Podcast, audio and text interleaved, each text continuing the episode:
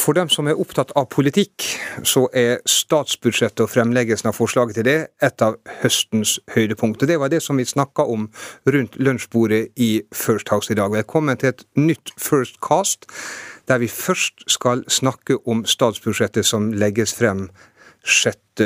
oktober. Og til å snakke om det, så har jeg tre gode kolleger i studio. Morten Andreas Meyer, Lise Lotte Lunde og Bjørg Leinum Seim. Velkommen til dere. Takk skal du ha, Hans Christian. Eh, jeg har lyst til å spørre deg først, Morten. Du har jo vært statsråd og vært med på å utforme statsbudsjett og, og legge det frem. Hva er for en statsråd det mest spennende på en sånn dag som neste torsdag?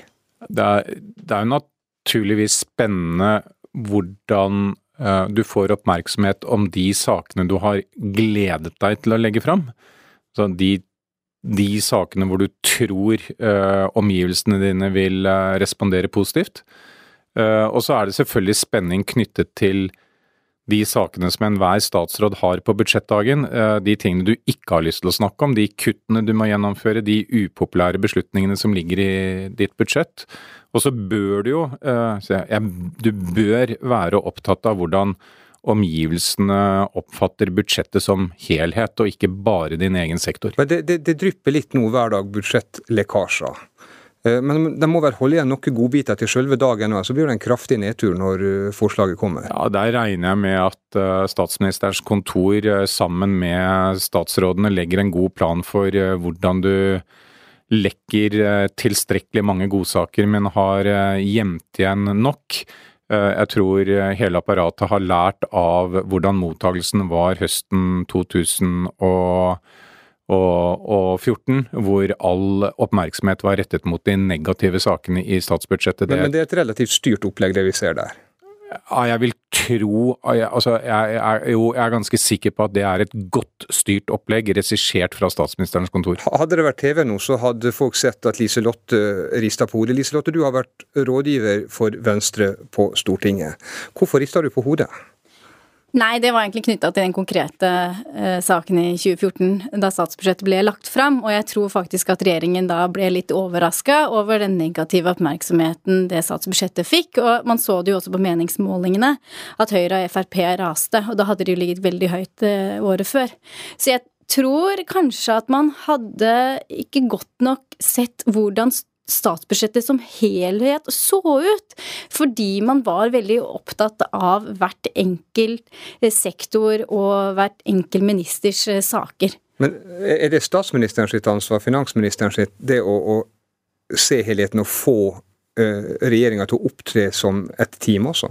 Ja, det ligger naturlig nok et hovedansvar på statsministerens kontor, men jeg tror nok alle tre rundt dette bordet er enige om at organiseringen si, svekker muligheten til den helhetlige horisontale tenkningen, og at du som statsråd fort beveger deg vekk fra skal vi si, det, det teamet du egentlig tilhører, til å bli representant for den sektoren og det byråkratiet du leder. Det er sånn, Når du kommer tilbake fra budsjettkonferansen, så vil du gjerne internt i departementet fremstå som vinner, og det er med på å forsterke skal vi si, den sektororienterte innstillingen, og helheten blir borte eller Men stikkord, blir svekket. Stikkord byråkrati. Bjørg, du har jo eh, vært i eh, depart, det departementale byråkrati. Eh, når budsjettforslag legges frem, er dere ferdig med jobben da? Eh, nei, eh, fagdepartementet er også med på det vi nettopp har snakka om nå. Å forberede eh, gode saker og utarbeide gode pressemeldinger til statsbudsjettet legges frem.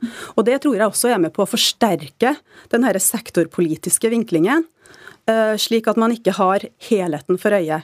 Fagdepartementene kjenner jo kun sitt eget statsbudsjett og legger frem de gode sakene for sin sektor. Når denne dagen er over, så uh, slipper uh, fagdepartementet statsbudsjettet når det er lagt fram for Stortinget. Men, men så skjer det noen noe runder på Stortinget. Den første Liselotte, det er at uh, samarbeidspartiene og regjeringa skal prøve å bli enige om et budsjett. Hva er, hva er sånn som Venstre og KrF, hva, hva er de opptatt av da? Nei, Den dagen statsbudsjettet legges fram i Stortinget, så er det knytta stor spenning til hvilke saker er det Venstre og KrF har fått gjennomslag for allerede i, i det statsbudsjettet som ligger på bordet? Og hvor stort handlingsrom er det egentlig igjen eh, til å drive forhandlinger ut ifra? Eh, hvor mange millioner kan man egentlig eh, flytte på? Eh, og så er det jo slik at eh, Høyre, Venstre, KrF og Fremskrittspartiet vil jo da sitte sammen og, og forhandle eh, og prøve å komme fram til en budsjettavtale. Men du, du, sier hvor mange milliarder har man å flytte på statsbudsjettet? Det er sånn pluss-minus 1200 milliard. Det er ikke så mange av de milliardene som egentlig er i spill, er det det?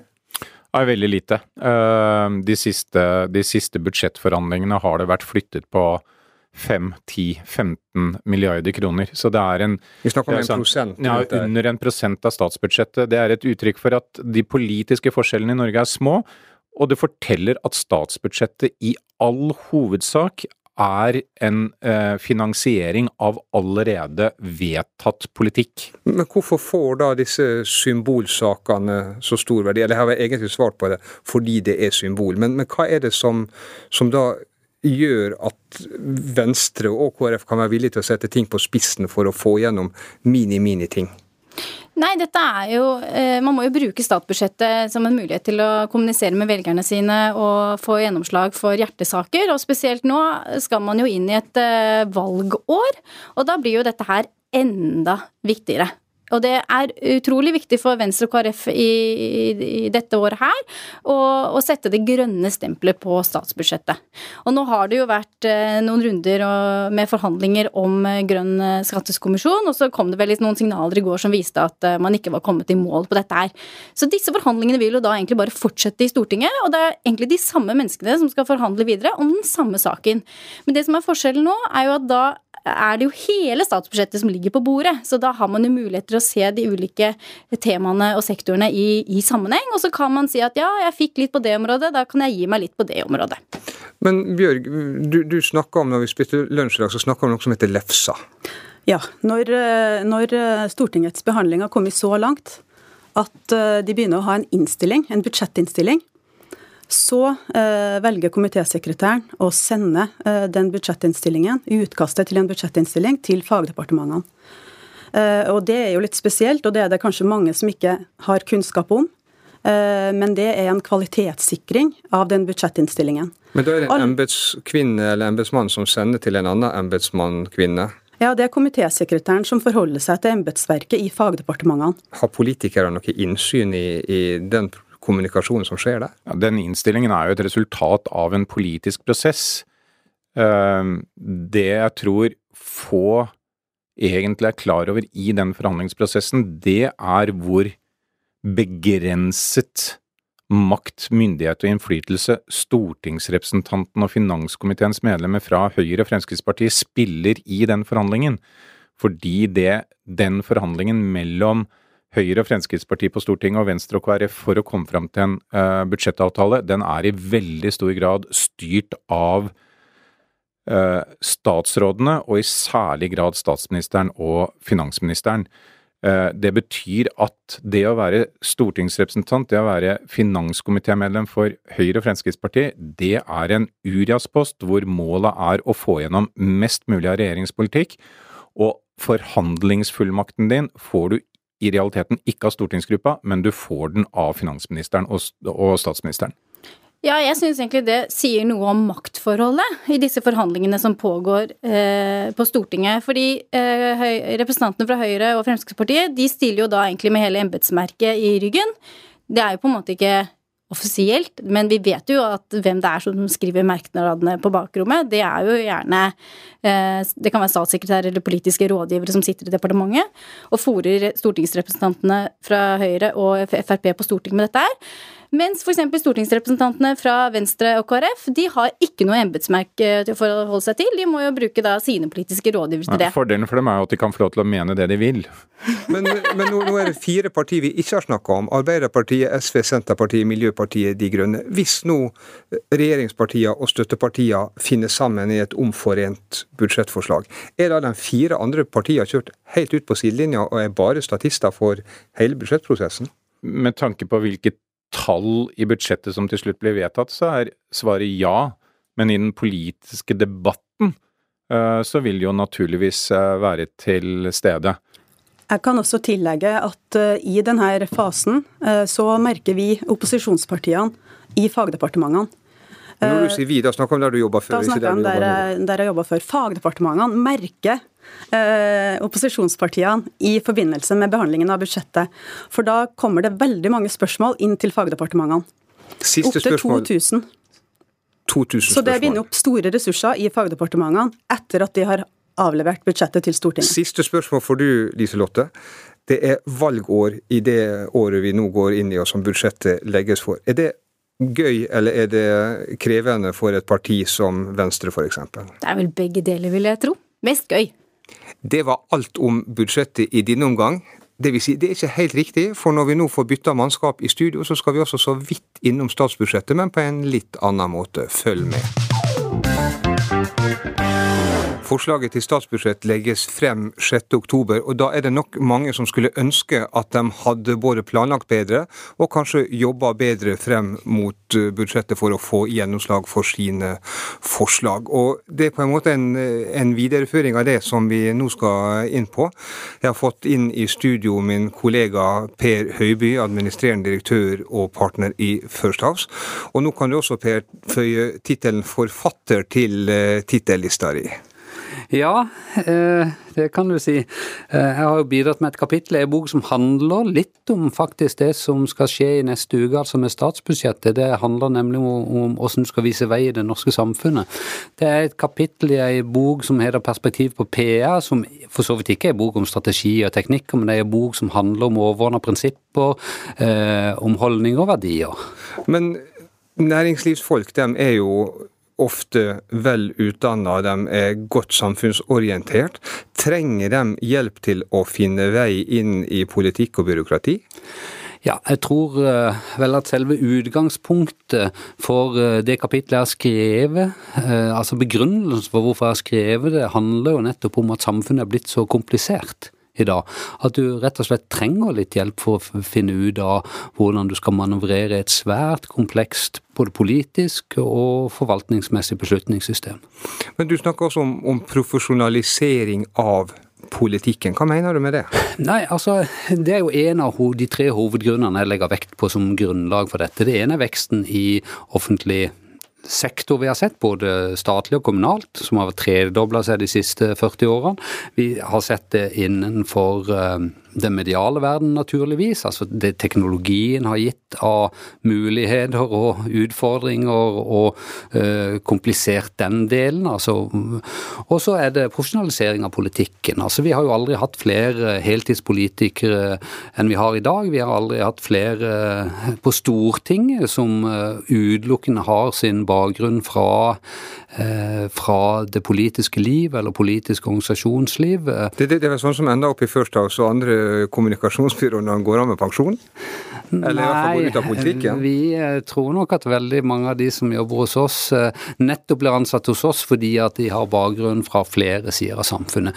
Faren ved profesjonalisering av politikken er jo at avstanden mellom politikken og det samfunnet politikerne er satt til å tjene og, og guide eh, gjennom ulike utfordringer, blir større. Altså Politikerne kan mer, eh, mindre om eh, næringslivet, og næringslivet har mer utfordring med å manøvrere i dette systemet. For en, en, la oss si en, en fremtredende leder i næringslivet, er, er det tungt for henne å innrømme uh, kunnskapshull når det gjelder politikk? Er det noe du opplever? Nei, jeg syns at uh, norske næringslivsledere generelt sett er uh, blitt så moderne og, og uh, kjenner seg sjøl så godt at de ser på det å ikke beherske alle deler av en lederrolle like godt som en styrke. Men, én ting er jo på en måte å være sånn generelt godt oppdatert om samfunnsforhold, om politikk. Er det nok i, i møte med de harde realitetene? Nei, altså det er jo ikke nok og det er jo derfor jeg skriver litt om dette her, og gir noen tips om hvordan man bør gå frem for å, eh, når man skal manøvrere i et uh, ulint landskap som vi har i samfunnet vårt, altså komplekse. Det er jo tilbake til begrunnelsen for kommunikasjonsbransjen, hvor vi er tilbake til grekerne. altså Da var behovet grekerne hadde for å bli sett, hørt og forstått. Og det samme er like mye tilfellet i dag. Folk har behov for å bli sett, hørt og forstått. Og Når det gjelder da arbeid med rammebetingelser, eller det er budsjett som vi innleder med, så må du f.eks. Eh, kjenne altså beslutningsprosessene i det politiske liv og i det forvaltningsmessige for å manøvrere. Det, det, det er mange oppfatninger knytta til dette med lobbyvirksomhet og påvirkning. Jeg tror en av dem er at uh, sånne som det er med, at vi tar telefoner for kundene, vi ordner opp for kundene og sånn sett baner vei for dem i prosessene. Er det god lobby?